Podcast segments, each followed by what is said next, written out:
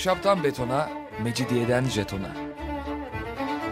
Alameti kerametinden menkul kent hikayeleri.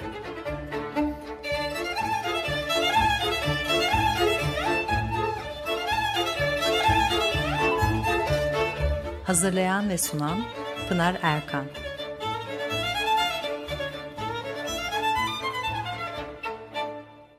Efendim merhabalar. Bir haftalık aradan sonra yine birlikteyiz. 94.9 frekanslı açık radyoda ahşaptan betona, mecidiyeden jetona tam şu anda başlamış bulunmakta.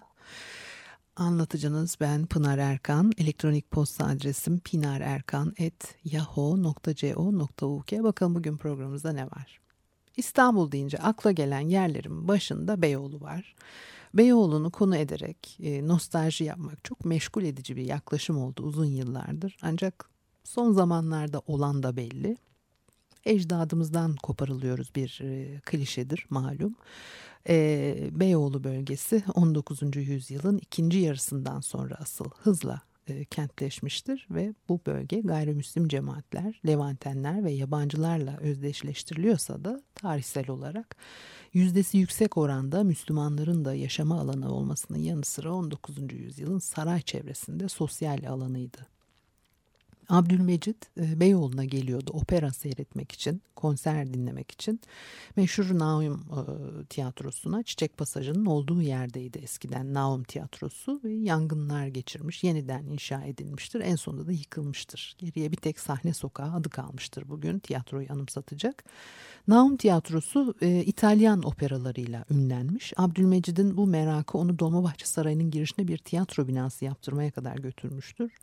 Abdülmecit sadece tiyatro, opera değil sanatın her dalına meraklıydı. 1850'lerde sarayda kızlardan bale ve orkestra grubu kurduruyor. E, pek çok yabancı besteci yurt dışından davet edilmiştir. Franz Liszt, Strauss bunların arasında ve ilk tiyatro eseri olan Şair Evlenmesini Şinasi Saray Tiyatrosu'nda oynanması için e, yazmıştır bunlar da ve genel geçer bilgiler arasında. E, saray kadınları alışverişe geliyordu Beyoğlu'na filan. Yani bu son derece önemli saray kadınlarının atlı arabaya binip e, Beyoğlu'na alışverişe gelmesi e, sanatsal, toplumsal ve kültürel etkinliklerle bütünleşen bir yere dönüşmüştür bölge zaman içerisinde. Cumhuriyet döneminin sanatsal, kültürel, toplumsal etkinliklerinin de yoğunlaştığı yerdi Beyoğlu Taksim ve civarı Harbiye'den ta Şişli'ye kadar. E, bizi de şimdi öyle geçmişimizden koparıyorlar. Beyoğlu'nun üstüne yekten tonla dökülen beton İstanbul'un dolayısıyla Osmanlı'nın son 200 yıllık modernite tarihine dökülmüştür.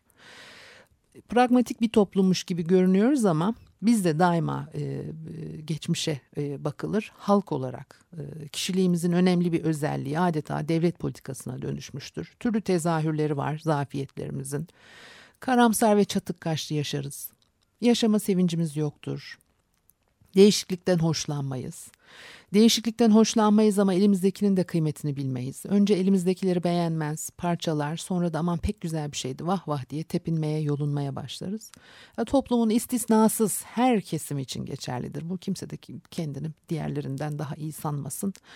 Ee, kendi yıkmalarımız, beceriksizliğimiz kader olur. Yaşam hüzünden başka nedir ki? ıstırabı bilmeyen saadetin de değerini takdir edemez diye böyle melankolik melankolik etrafımıza fenalık getiririz.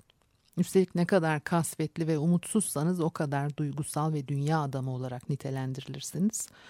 Öyle otobüste şurada burada kıkır kıkır gülüşen, fıkır fıkır hareketli çocuklara da kötü kötü bakarız. Özellikle kız çocuğu iseler. Çünkü e, toplu bulunan yerlerde herkesin beş karış suratla birbirine kaş çatması gerekir. Kaşınızı ne kadar dik çatarsanız o kadar ciddi ve önemli olursunuz. Bunun bir mühim bir meşguliyeti var. Öyle gülmek gibi bayağı şeylere vakti yok derler. Böylece yücelirsiniz ve babanızın çocukken sizi hiç kucaklamadığını unutmaya çalışırsınız. Ya da kemeriyle dövdüğünü ya da sizi taciz ettiğini babaların da türlüsü var. Evdeki baba, mafya babası, devlet baba, iskele babası.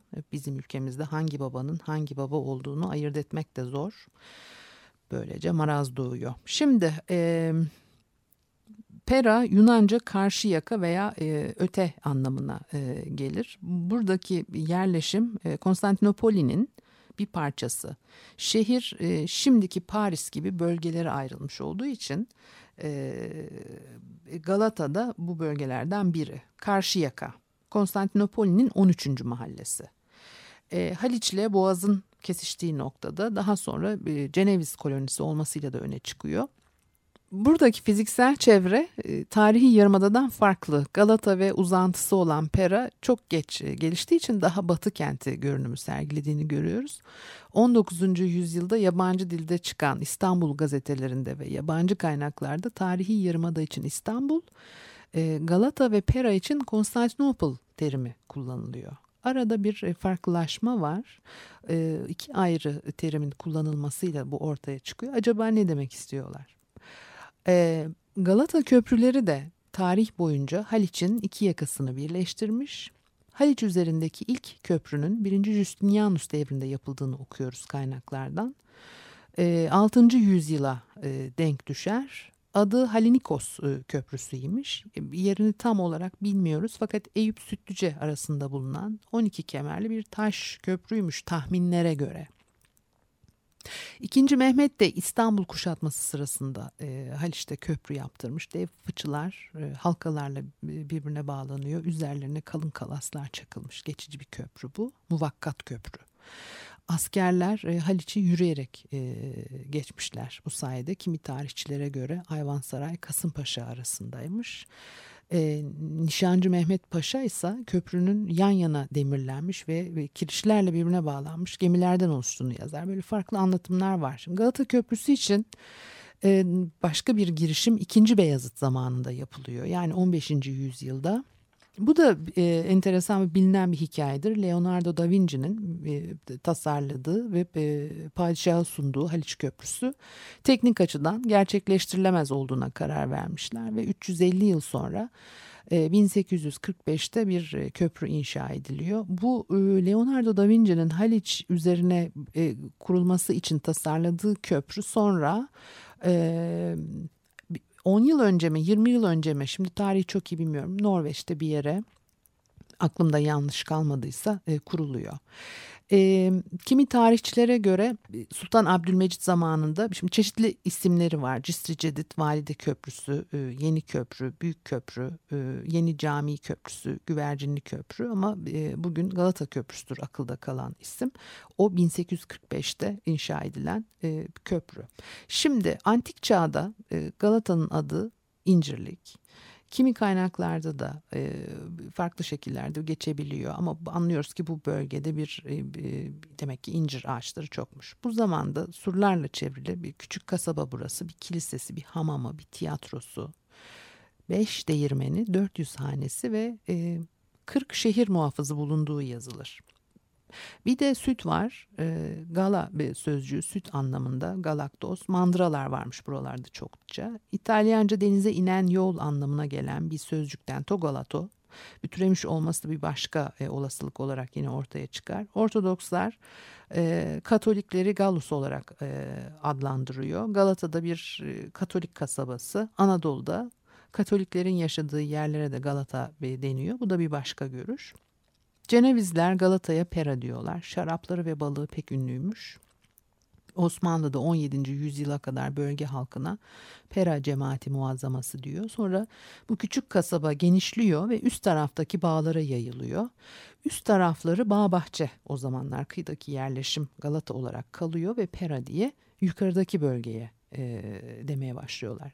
Cenevizliler 13. yüzyıl sonuna doğru bölgeye yerleşmişlerdir. Deniz ticaretiyle uğraşan ve Akdeniz'in önemli limanlarında e, koloniler bulunduran e, bir grup bu. Daha önce Eminönü'nde Bahçe Kapı denen yerdeyken Galata'ya gönderilmişlerdir. Bu Bahçe Kapı da arka taraftaki işte o Mısır Çarşısı'na bakan arka sokakların Eminönü Camii'nin daha doğrusu Yeni Camii'nin arka e, kısmı Bahçe Kapı kendi surlarını e, inşa etme izni de verilmiyor. Onun için e, kule evler yapıp kimse görmeden aralarını örüp tahkim etmişlerdir. Şimdi yani kimse görmeden tahkim etmek çok mümkün değil de yani e, dikkat çekmemeye çalışarak hani diyelim. 1303 yılında Venediklerin baskısını neden göstererek daha kendilerine ayrılan bölgenin etrafını hendekle e, çeviriyorlar. Böyle bir sürekli çaba içerisindeler yani onu anlatmak istedim. Ve fetih devrine geri dönersek 2. Mehmet e, şehri eski Bizans düzenine uygun olarak 13 bölgeye yine ayırmıştır. Bu 13 bölgede 219 mahalle var. E, gayrimüslimler İstanbul'un belli semtlerinde yaşıyorlar. Dini liderlerin etkinliği altında. E, kilise veya sinagogun çevresinde gruplar halinde e, yaşıyorlar. Öyle kilise ve sinagogların etrafında cemaatler oluşuyor. Ee, Müslümanlar tarihi Yarımada'nın merkezindeler. Yabancıların çoğu Galata'da, yine Marmara Denizi ve Haliç kıyılarında Ermeniler, Rumlar ve başka cemaatler yaşıyor. Kumkapı Samatya'da ağırlıklı olarak Ermeniler, Fener'de Rumlar, Balat Hasköy'de de e, Musevileri buluyoruz. Ayrıca Boğaz köylerinde de e, farklılaşmalar vardı. E, Galata ve Pera'da e, Avrupalılarla Levantenler e, ağırlıkta. Kilise, okul gibi resmi e, kurumların yapılması hatta onarımı dahi tabii ki izne bağlı o dönemin e, koşulları içerisinde konut inşa etmek de izne bağlı. E, ee, 2. Mehmet'in devrinden başlayarak gayrimüslimlerin yaşadığı semtlerin etrafında Müslüman mahalleleri oluşturuluyor. Bu devirde en kalabalık olan Galata, İstanbul'un onda biri burada. Pera o zamanlarda Mevlevihane, Şahkulu Mescidi, Asmalı Mescid ve Ağa Cami çevresindeki küçük Müslüman grupları dışında da pek e, kalabalık değil, bağlık, bahçelik, boş bir alan. 16. yüzyıldan sonra Avrupa devletleriyle ilişkiler işte gelişir gibi oluyor. O devletlere Pera'da toprak bağışlanıyor. İlki de 1535 yılında Fransa'ya tanınan ayrıcalıktır. E, onlar da elçiliklerini burada e, kuruyorlar. Elçiliklerin etrafında koloniler oluşuyor. İşte ticaretle uğraşanlar, dini kurumlar, eğitim kurumları böylece gelişiyor Pera ama yine de 19. yüzyıla gelene kadar büyük bir değişiklik olduğunu söylemek çok zor. Pera'da kapitülasyonların sağladığı ayrıcalıklardan yabancı tüccarlar çok yararlanıyorlar. Özellikle 3. Selim döneminde batılı devletlerle ilişkiler çok artmıştır. Pera'ya ilgi daha çok burada ortaya çıkıyor. Ciddi bir su sıkıntısı var bölgede ve 1. Mahmut'un su bentleriyle su sıkıntısı bir parça giderilmiştir. Ondan sonra burada daha e, etkin bir yerleşim gelişmesi görüyoruz. Bugün gördüğünüz tarihi apartmanların ise hemen tamamı 19. yüzyılın son çevre, çeyreğinde yapılmıştır. Ara verelim ondan sonra devam edelim.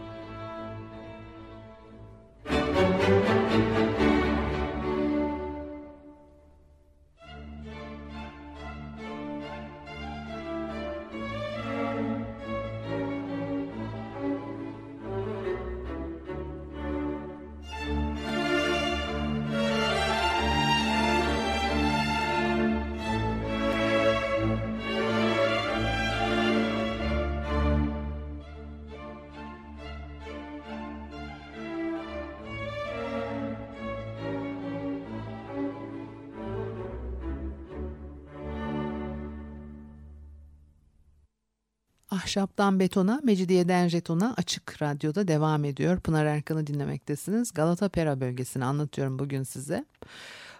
19. yüzyıl ortalarına kadar çok sayıda boş alan var. Hem Galata'da hem Pera'da. Kentin büyük bir bölümü ıssız. Tarihi yarımadaya baktığınızda da aynı durumla karşılaşıyorsunuz. Derseniz ki şehir sadece buraları mıymış? Vallahi öyleymiş. Yani nüfus da zaten e, çok az. Bir milyon bile yok. Şimdi bir gazetenin 6 Şubat 1858 e, tarihli sayısında bir hafta boyu Taksim'in ötelerinde ve Feriköy çevresinde kurtların görüldüğü söyleniyor.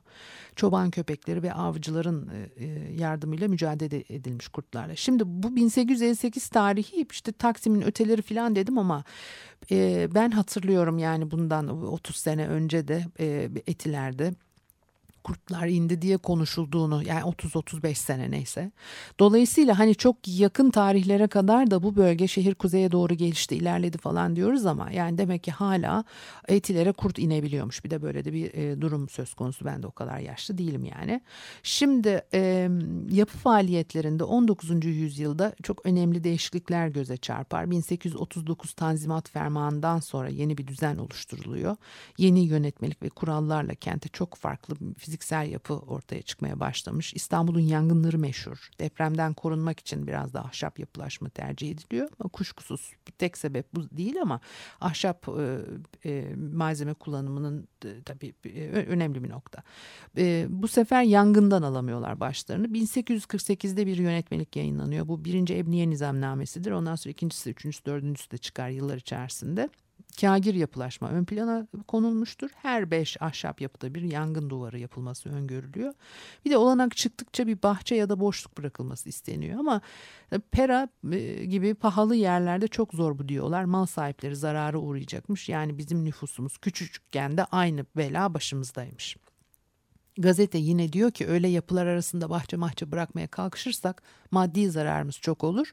Onun yerine her yapının iki yanına da duvar örelim. Bu daha karlıdır ve e, yangına karşı da daha iyi bir önlemdir. Bunlar hep e, uygulanıyor. Yeni çıkan ebniye nizamnamelerinde eskisine göre daha e, işte e, artmış önlemler alındığını görüyoruz. Bunlar uygulanmaya çalışılmıştır. E, tanzimatla getirilen büyük yeniliklerden biri Müslüman Müslüman olmayan ayrımının ortadan kaldırılması ve sadece sosyal bir mesele değil bu. Kentin oluşumunu, görünümünü de elbette etkiliyor. Tanzimatla bu anlamda fiziksel çevremiz yeniden tanımlanmış oluyor. Daha önce Müslümanlarla Müslüman olmayanların oturdukları, yaşadıkları binalar e, birbirinden farklı yapılıyordu. Kat sayısı, malzeme ve renk kullanımı aradaki farkı belli ediyordu. Katı sınırlamalar vardı bu konularda. Ebniye nizamnameleriyle kat, katı kurallar kalkıyor ama tabii yüzyıllardır belirli çerçevelere alışık yaşayan bir halk bir anda bu yeniliklere uyum sağlaması kolay değil. Dolayısıyla eşitlik kurallarına uyulabilmesi, kentin bir ayrım olmaksızın e, bütünleşebilmesi ancak 19. yüzyılın sonlarına doğru e, mümkün olabilmiş. O da ne kadar yine tartışılır. Galata ve Pera'da yeni kuralları uygulamak için de büyük çaba sarf ediyorlar. Eskiden sokaklarda kapı numarası uygulaması yokmuş örneğin. Bu tarihlerde evler numaran, numaralandırılıyor ve sokaklar aydınlatılıyor. Burada belki size İstanbul'un o devirdeki nüfusuyla ilgili fikir verecek bir sayı söyleyebilirim. 28 Temmuz 1885 tarihli nüfus sayımı sonuçlarına göre İstanbul'da 873.656 kişi e, yaşıyormuş. Yani bu rakamlar çok doğru e, olmayabilir ama aşağı yukarı bize bir fikir veriyor. E, yani doğru olmamasının sebebi benden kaynaklanmıyor. Yapılan bu sayımlar çok sağlıklı yapılmamış olabilir ve de zaten böyledir. Bu konuyla da ilgili tabii yapılan çalışmalarda notlar düşülüyor. Onu demek istedim. İstanbul yangınlarla sürekli değişim gösteriyor o yıllarda. İlk şehir haritaları 1820'lerde yapılıyor en yoğun şehirde 1860'lardan 1932'lere kadar aralıklı olarak haritalar çıkarılıyor ve buralardan değişimi takip etmek mümkün tabii işi olana. Galata Pera arasındaki dikey ulaşımı kolaylaştıran tünel olmuştur o da 1874 tarihli. Onu anlatmıştım. Ee, Henry Gavan gerçekleştiriyor bir programda e, bahsetmiştik. Ee, yani kuzey e, güney hattında işleyecek büyük bir, bir kısmı yer altında olacak bir sistemle Kumkapı Beşiktaş arasını birleştirelim diye bir öneride de bulunuyor. E, bugünkü o bildiğimiz o küçük e, Galata ile tünel Pera'yı birbirine bağlayan tünel haricinde ama gerçekleşmemiş tabii. Her şey çok farklı olabilirdi eğer onu da yapsalardı şehir başka yöne de gidebilirdi. İstanbul'un e, kozmopolit ortamının e, renkli gruplarından biri yarı batılı Levantenler çeşitli nedenlerle İstanbul'a gelmiş. Kendileri gibi yabancı ya da e, yerli gayrimüslimlerle evlenerek kente yerleşmiş Avrupalılar dilleri, giyimleri, beğenileri farklı. Dolayısıyla oluşturdukları fiziksel çevre de ona göre oluyor. 19. yüzyılın ortalarından itibaren Pera bölgesi İtalyan, e, Maltalı, Katolik ve Ortodoks Rum, Ermeni ve, ve Musevi grupları e, barındırıyor. Edmondo Duamici'nin e, kitabından zaman zaman alıntılar yapıyoruz bu programda. Edmondo de Amici 1874 yıllarında Pera'yı anlatırken bölgede soba borusu gibi erkek şapkalarıyla tüylerle ve çiçeklerle süslenmiş kadın şapkalarından başka bir şey görünmediğini, Rum, İtalyan ve Fransız kibarları, zengin tüccarlar, sefaret e, memurları, yabancı gemi subayları, elçilik arabaları ve her milletten ne olduğu bilinmeyen karışık suratlı insanlara rastlandığını söylüyor. Ayrıca burada kendini kendi ülkesindeki kadar rahat hissettiğini, buna karşın Müslüman kesimin burada kendisini başka bir ülkede gibi hissettiğini ve başını İstanbul tarafındaki kadar dik tutamadığını da söylüyor başka bir e, şehri gezen e, yazar Ubicini daha eleştirel yazmış Pera'yı. Dikkate değer bir nitelik göremedim diyor. Burada insan kendini ikinci ya da üçüncü sınıf bir İtalyan kentinde gibi hissediyor diyor. Her iki adımda bir kilise var. Her duvarda Meryem tasvirleri, çanlar, ayinlerin sesine her dinden insan birbirine karışıyor diyor. Bunlar arasında ne adet, ne giysi, ne de dil olarak Türklenebilecek bir şey yok diyor. E, Giovanni Sconomillo biliyorsunuz kendisi İstanbul Levantendir. E, sinema eleştirmeni kitapları var İstanbul'la ilgili. Kendisinden iki kuşak önceki Levantenlerin Türkçe bilme ya da öğrenme gereksinimi duymadığını da söyler. Yabancı okullarda öğrenim görüyorlar. Türkçeyi çok geç yaşta sonradan öğreniyorlar. Yaşam öyle gelişmiş ve erkeklere iş hayatında gerekiyor Türkçe. Kadınlar evdeler belki Müslüman komşuları varsa veya gerekiyorsa öğreniyorlar. Onun için de tercümanlar önemli. Şimdi devlet yönetiminde ve e, tercüme bürolarında çalışan tercümanların e, toplum içinde özel bir yeri ve saygınlığı var. İstemat Yadi adında bir Rum tarihçi Divan-ı Hümayun e, tercümanları adında bir eser yazmış ve bu eser 1865'te Atina'da basılmış. 1821 tarihine kadar 37 e, tercümanın hayatını anlatıyor istemet, istemat yadi. Pera'dakiler e, sonraki dönem ama Rumlar için e, şerefli bir iş bu ve tehlikeli aynı zamanda. Çünkü sadrazamlar gibi başı kesilmemiş tercümana da rast gelmek güç Osmanlı tarihinde. Yani bu iş soyadlarına bakınca da anlaşılıyor. Birkaç aile arasında dönüp durmaktaymış. Bu aileler çocuklarını özellikle bu iş için yetiştiriyorlar. İlk başta İstanbul'a gelen yabancı sefirler tercümanlarını kendileri getiriyorlarmış. Sonra bu sakıncalı görülmüş ve Babali e, Gaspari adında birini ilk defa çevirmen atıyor. Ama sonra Eflak Beyliğine tayin olmuş ve orada olmayacak işler çevirmeye başlayınca da başını istemiş padişah. Gaspari'nin ihaneti üzerine Babali e, Rum okumuşları arasında Panayo Nikosi tercüman alıyor. 1613'te e, İstanbul'da doğmuş. Hususi muallimlerden Arapça, Farsça, İtalyanca, Latince öğrenmiş. Astronomide istis, ihtisas sahibi olmuş ve bu alanda birkaç da eseri e, bulunmakta. Hatta Türkler Nikosi'yi istikbali keşfe muktedir bilirler ve kendisine çok hürmet ederlermiş. Osmanlı'ya büyük hizmetlerde bulunmuş. O kadar candan sarılmış ki işine hükümet o kadar gereksinim duyarmış ki kendisine. Tarihçi Kantemir'e göre e, köprülü vezir Nikosi'nin fikrini almadan hiçbir işe girişmezmiş. Bir kısa hikayesi var onu anlatayım ondan sonra da belki programı bitiririz ilmi ve dini konularda yaptığı tartışmalar e, meşhur Nikosi'nin ve bir Temmuz günü padişah Eyüp'te bir mevlüt alayı yapmış ve namazdan sonra biraz hava almak için Ebu Suud Efendi yalısına gidiyor. Yalının 10 bin ciltlik kitap koleksiyonu arasında bir de küre bulunmaktaymış. Latince yazılıymış kürenin üstünde. Padişah malumat istemiş küreyle ilgili. Orada bulunanlar hiçbir şey söyleyememişler. Nikosi anlatmış küreyi alıp çeşitli devletlerle ilgili bilgiler vermiş. Padişah ve huzurundakiler o kadar memnun kalmışlar ki bu kadar alim, fazıl bir e, zatın nasıl olup da Müslüman olmadığına hayret etmişler. Benim en sevdiğim öykülerden biridir bu. Evet, e, tercümanlardan başka bir programda yine e, bahsedebiliriz. Belki gene Fener beyleriyle bağlantılı olarak anlatabiliriz onları da. Çünkü Balat Fener'den bahsederken çok da üstünde durmamıştım. Elektronik posta adresim pinarerkan.yahoo.co.uk Haftaya görüşmek üzere, hoşçakalın.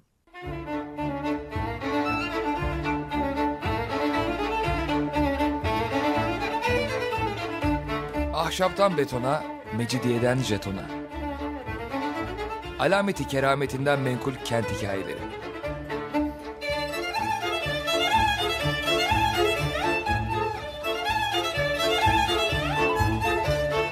Hazırlayan ve sunan Pınar Erkan.